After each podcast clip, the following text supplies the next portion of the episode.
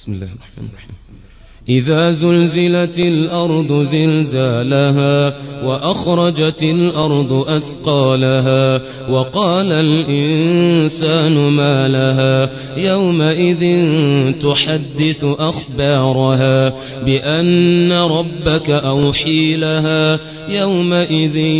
يصدر الناس أشتاتا ليروا أعمالهم فمن يعمل مثقال ذرة